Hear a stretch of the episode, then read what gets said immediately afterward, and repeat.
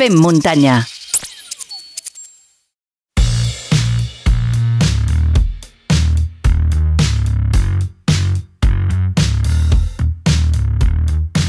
Fa unes quantes setmanes l'Àlex Rodríguez, a través d'Instagram, eh, es va posar en contacte amb mi perquè eh, aquell dia vaig fer una sèries en pujada i em va fer la següent consulta.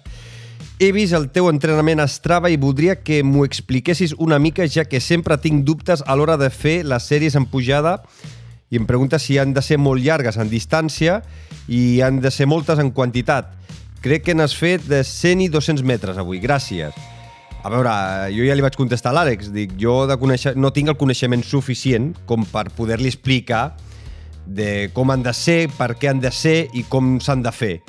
I així que el que he fet ha sigut doncs, eh, trucar a la nostra entrenadora de capçalera, la Gés Bonet, eh, entrenadora i llicenciada. Què tal, Gés? Com estàs? Benvinguda a Fem Muntanya de nou. Doncs molt bé, la veritat és que feia, feia temps que no ens, no ens parlàvem, així que encantada de, d'aparèixer de nou i a veure si podem solucionar aquest problema de les pujades. A veure, doncs eh, començo pel primer dubte que se'm passa pel cap. Eh? Jo les faig perquè hi ha gent que ja ho sap. Eh? La GES eh, doncs, eh, porta els meus entrenaments eh, i, i, i jo vaig complint. Eh, m'ho posa i jo faig. Però clar, el primer dubte que em passa pel cap, mm, per què serveixen la, les sèries en pujada i què és el que ens aporten? Doncs mira, les sèries en pujada seria el que es diu un entrenament específic.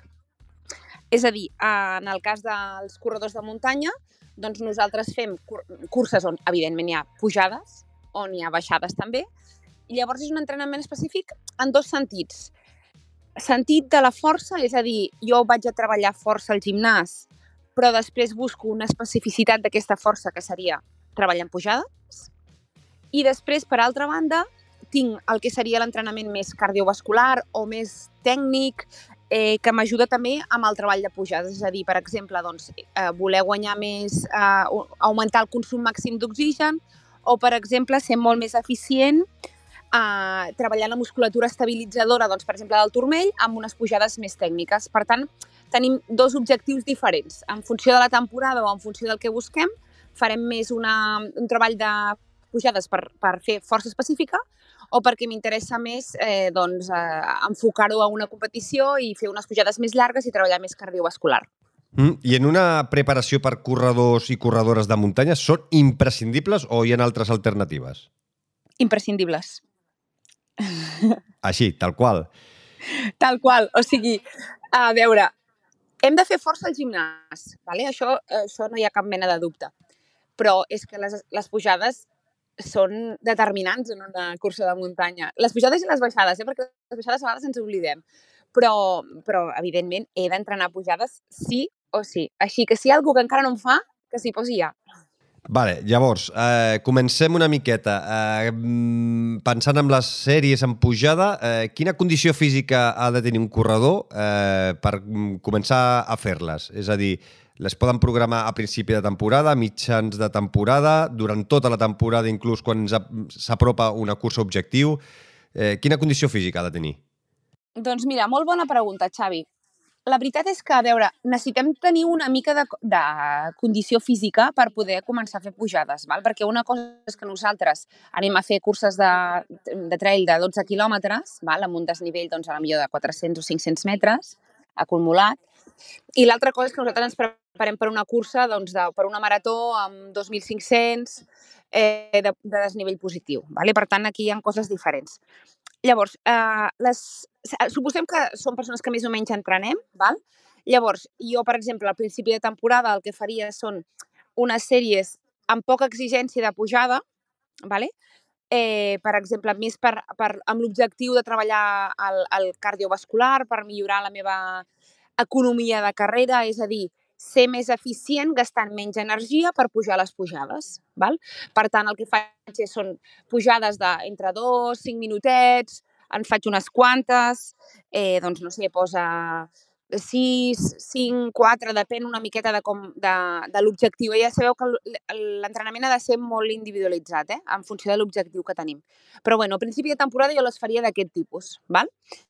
Llavors, quan estem en una part de la temporada eh, on ja tenim una bona base i hem fet, ja hem fet gimnàs, ja hem fet eh, rodatges cardiovasculars, ja comencem a introduir allí sèries més dures, etc etc. les pujades les seguim mantenint. El que passa que ara potser no les farem tan llargues, eh, però li augmentarem intensitat. Com li augmentem intensitat? Doncs tenim l'opció d'augmentar intensitat augmentant la pendent. Atenció amb això també, perquè llavors he de saber si les vull fer corrent o caminant. Val? I per tant, atenció amb el tema del desnivell.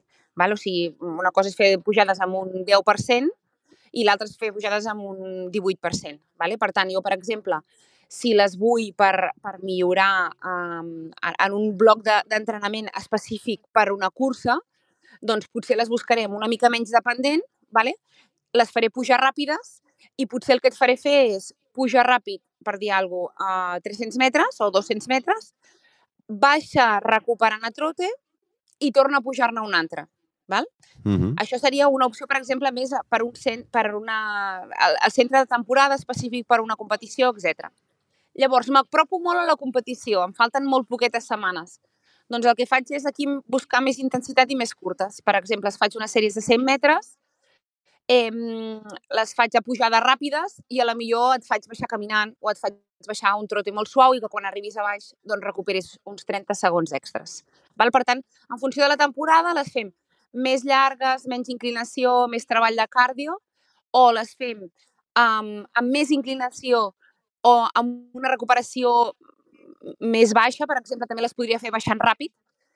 I quan estem afinant ja per una competició que ens queden molt poques setmanes, eh, doncs 3-4 setmanes, les faig més curtes, més intensitat, però, amb una, uh, però recuperant una miqueta més, recuperant doncs, un trote molt suau o, o amb un minut a baix, per exemple. Mm -hmm. Uh, M'estan entrant molts dubtes, eh? Uh, llavors, dins d'una setmana, dins, uh, uh, clar, es planifica primer amb un macrocicle, no?, dins de 3-4 sí. setmanes, i després també es planifiquen dins d'una mateixa setmana.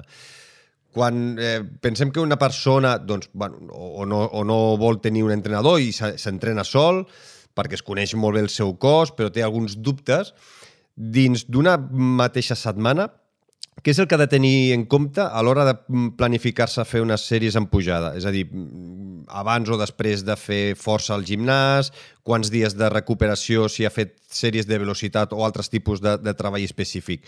Què, què és el que ha de tenir en compte per, una, fer-les bé, dos, no lesionar-se? Vale, perfecte. Mira, jo d'entrada diria que potser cada setmana, bueno, en funció de quin moment de la temporada estem, eh?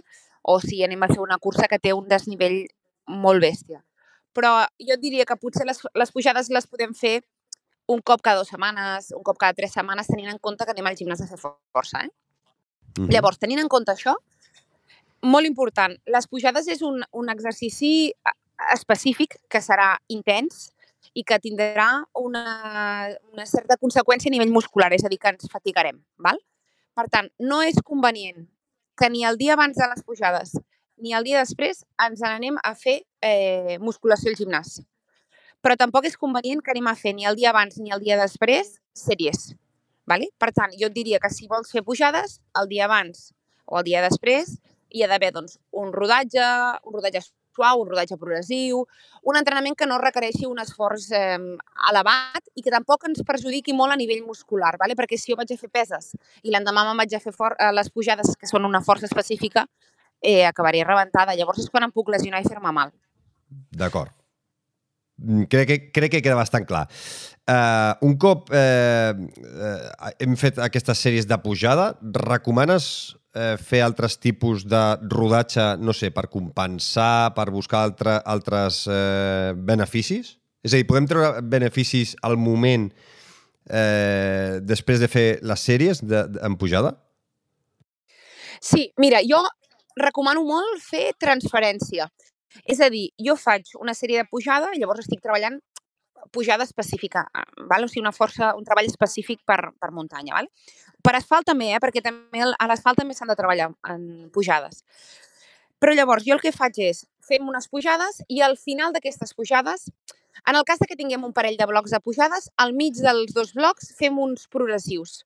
Si pot ser en pla, perquè llavors això és la transferència, és a dir, jo faig forç treball de força específic i el que passa és que el vull per córrer més ràpid, val? per ser més eficient, per tenir més economia de carrera. Llavors jo faig aquest bloc primer de pujades i recupero amb 3-4 progressius de, no sé, entre 50 i 100 metres i llavors descanso i vaig a pel següent bloc. Quan acabo el següent bloc, exactament el mateix. Ara, si només fem un bloc, quan acabem el bloc fem aquesta transferència d'aquestes 4 o 5 progressius i després a mi m'agrada molt uh, córrer però no ritme suau, sinó, per exemple, buscar un R2, val? uns, entre 15 a 30 minuts, depèn del temps que tingueu, eh, perquè una cosa és la teoria i l'altra és la vida Sí, real, que no ens dona a vegades per fer tantes coses. Llavors, eh, quan acabem, doncs intentar fer 15-30 minutets a un ritme, a un R2, que sigui una miqueta alegre, no, no de matar-nos, eh? Perquè em dic que no és, no, és, no és òptim fer sèries després de les pujades, però sí que buscar una miqueta de xispa, vale? que ens sentim amb la sensació de que, que hem acabat bé. Mm -hmm.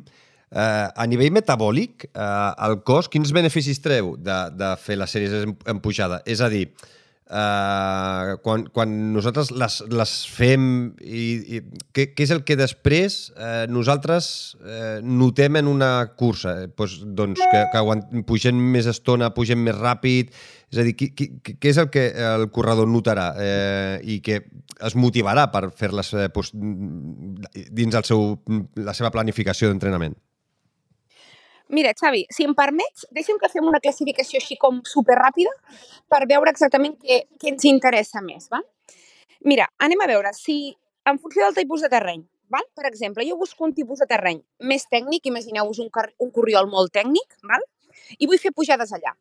Allà què milloraré? Allà milloraré la meva motricitat, val? Uh -huh. treballaré molt la, el, la musculatura estabilitzadora, val? a nivell de turmell, a nivell de genoll, a nivell de maluc. Val? Per tant, si jo busco un terreny molt tècnic i faig pujades, evidentment, a, a banda de treballar doncs, l'entrenament cardiovascular, m'en- m'enfoco molt a un entrenament on jo vull millorar uh, la meva musculatura estabilitzadora, vull motricitat, vull aprendre a pujar millor sense estar eh, inestable. Val? Per tant, terreny tècnic m'ajuda en aquest aspecte.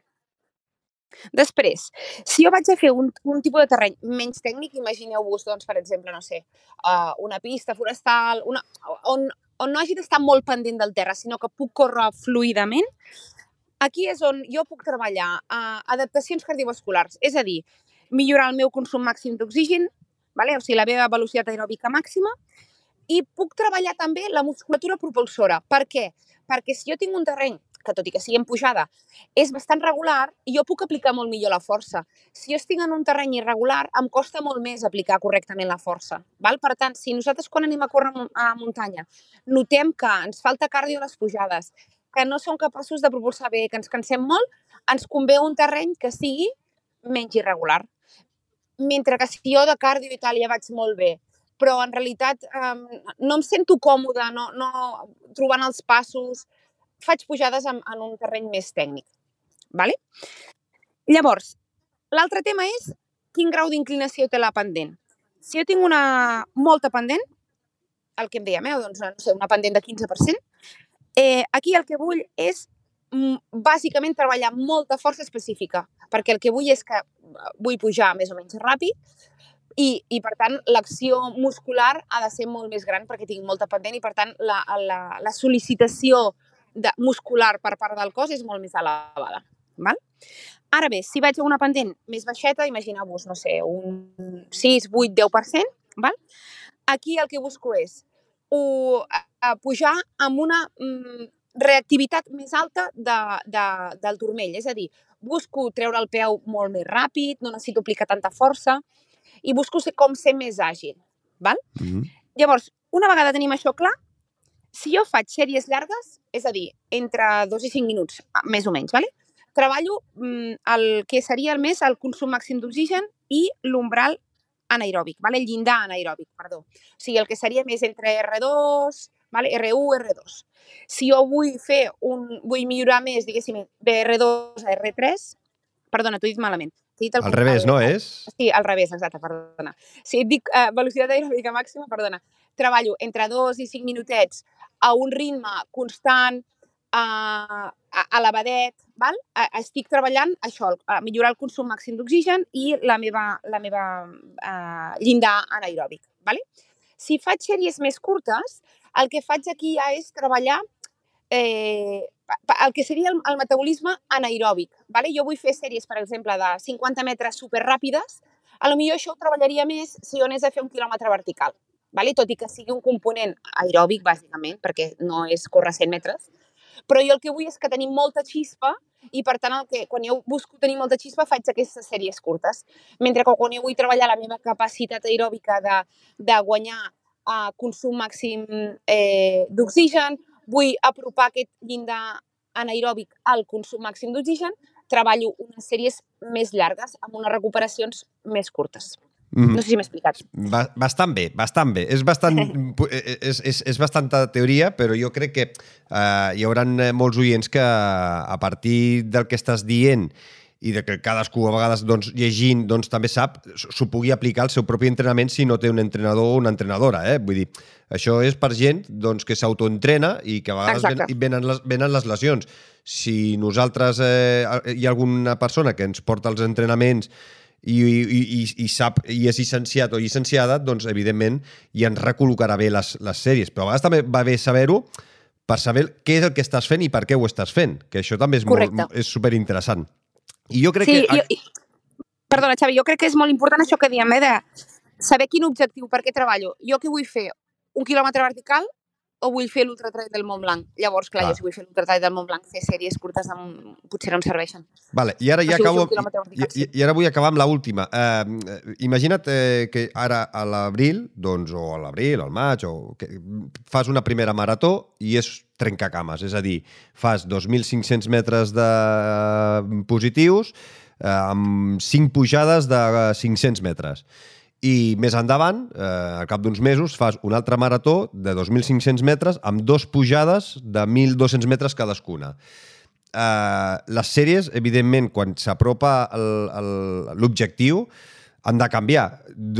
Quan s'apropa la primera marató, les sèries haurien de ser més curtes i més, més explosives, no? perquè és un terreny Exacte. més trencacama, i quan s'apropa la segona marató, que només tens dos pujades molt llargues, les sèries haurien de ser més llargues. Correcte, tal qual. No mm. ho podies haver definit millor. Bueno, eh, això vol dir que he estat atent a la teva masterclass. Exacte. O sigui, jo, jo tot i que 500 metres és bastant llarg, eh? hem de dir que 500 metres és bastant llarg, però... O, he posat 500 metres per posar un exemple, eh? per sí, posar sí, entre 500 que... i 1.200, però sí, però podria ser sí, que tinguessis eh, 7 o 8 pujadetes d'aquestes rotllo sí. neorural, que la gent que ha fet la neorural sap que fa 10-12 pujades de 150 metres i, fa, i acabes fent 1.800-1.900 positius. Vull sí. dir, que, que es trenca cames, no acabes mai d'agafar un ritme. És, quan arribes a dalt, tornes a baixar, tornes a pujar. Vull dir que em refereixo a això, no? Una, una marató trencacames o una marató que és pujar, pujar, pujar, baixar, baixar, baixar, pujar, pujar, pujar, baixar, baixar, baixar. I punt. Les sèries han de ser diferents. Les sèries han de ser, han de ser diferents, sí. Però no només per, per la mm, longitud i, i, i per la, el, el percentatge de desnivell que tenen, sinó també per el volum de quilòmetres final que farem. Val? O sigui, si jo sé que a la millor a fer una, una marató trencacames em portarà molta més estona, doncs potser a banda de treballar les sèries d'aquesta manera també he de pensar que jo he de treballar una bona base aeròbica. Val? O sigui que, clar, és que eh, és una mica més difícil de gestionar només les sèries. O sigui, clar, hem de mirar l'entrenament de manera global. Val? Llavors, sí que les sèries aquí específicament serien d'una manera o d'una altra, però he de mirar, he de tirar com enrere i dir, vale, aquesta cursa és així, però quant desnivell té? Quanta estona trigaré en, en fer aquesta cursa aproximadament? Val? Llavors, en funció d'això, he, de, he de veure quants dies he de treballar un volum de R1, quants dies he de fer canvis de ritme, perquè clar, si és trencacames, és molt interessant un treball de Farlek, molt interessant. O sigui, que jo, el meu cos sigui capaç de fer canvis de ritme durant una carrera. Per tant, no puc només sortir a rodar o mm -hmm. només rodar i fer sèries, sinó que de rodar, fer sèries de pujades, fer sèries en pla per no perdre velocitat, eh, fer canvis de ritme, vull dir que és una mica una complexitat que us heu de mirar des de fora. Sobretot la gent que no, que no mm, teniu un entrenador, doncs intentar veure-ho des de fora, analitzar la cursa per poder fer-ho d'una manera una miqueta més global. Doncs eh, superinteressant, eh? Amb això que acabes de dir, ja ho ac acabes de fer la, la rúbrica final. Eh, és, com sempre diem, si se'ns han quedat coses en el tinter, eh, teniu més dubtes a partir d'això o teniu més dubtes sobre entrenament, sempre o a través del canal de Telegram del Fem Muntanya a través del correu electrònic femmuntanya arroba femmuntanya.cat. Ens podeu fer arribar els vostres dubtes i en properes consultes amb la GES doncs, eh, li farem arribar les vostres consultes, igual que hem fet en aquest cas amb l'Àlex eh, Rodríguez, que es va posar en contacte amb, eh, en privat eh, a través d'Instagram. Jess Bonet, eh, moltíssimes gràcies, eh, que vagi molt bé i seguim en contacte. Una abraçada, cuida't. Moltíssimes gràcies, una abraçada i no us oblideu que les pujades a les curses de muntanya algunes també es poden fer caminant. Fem muntanya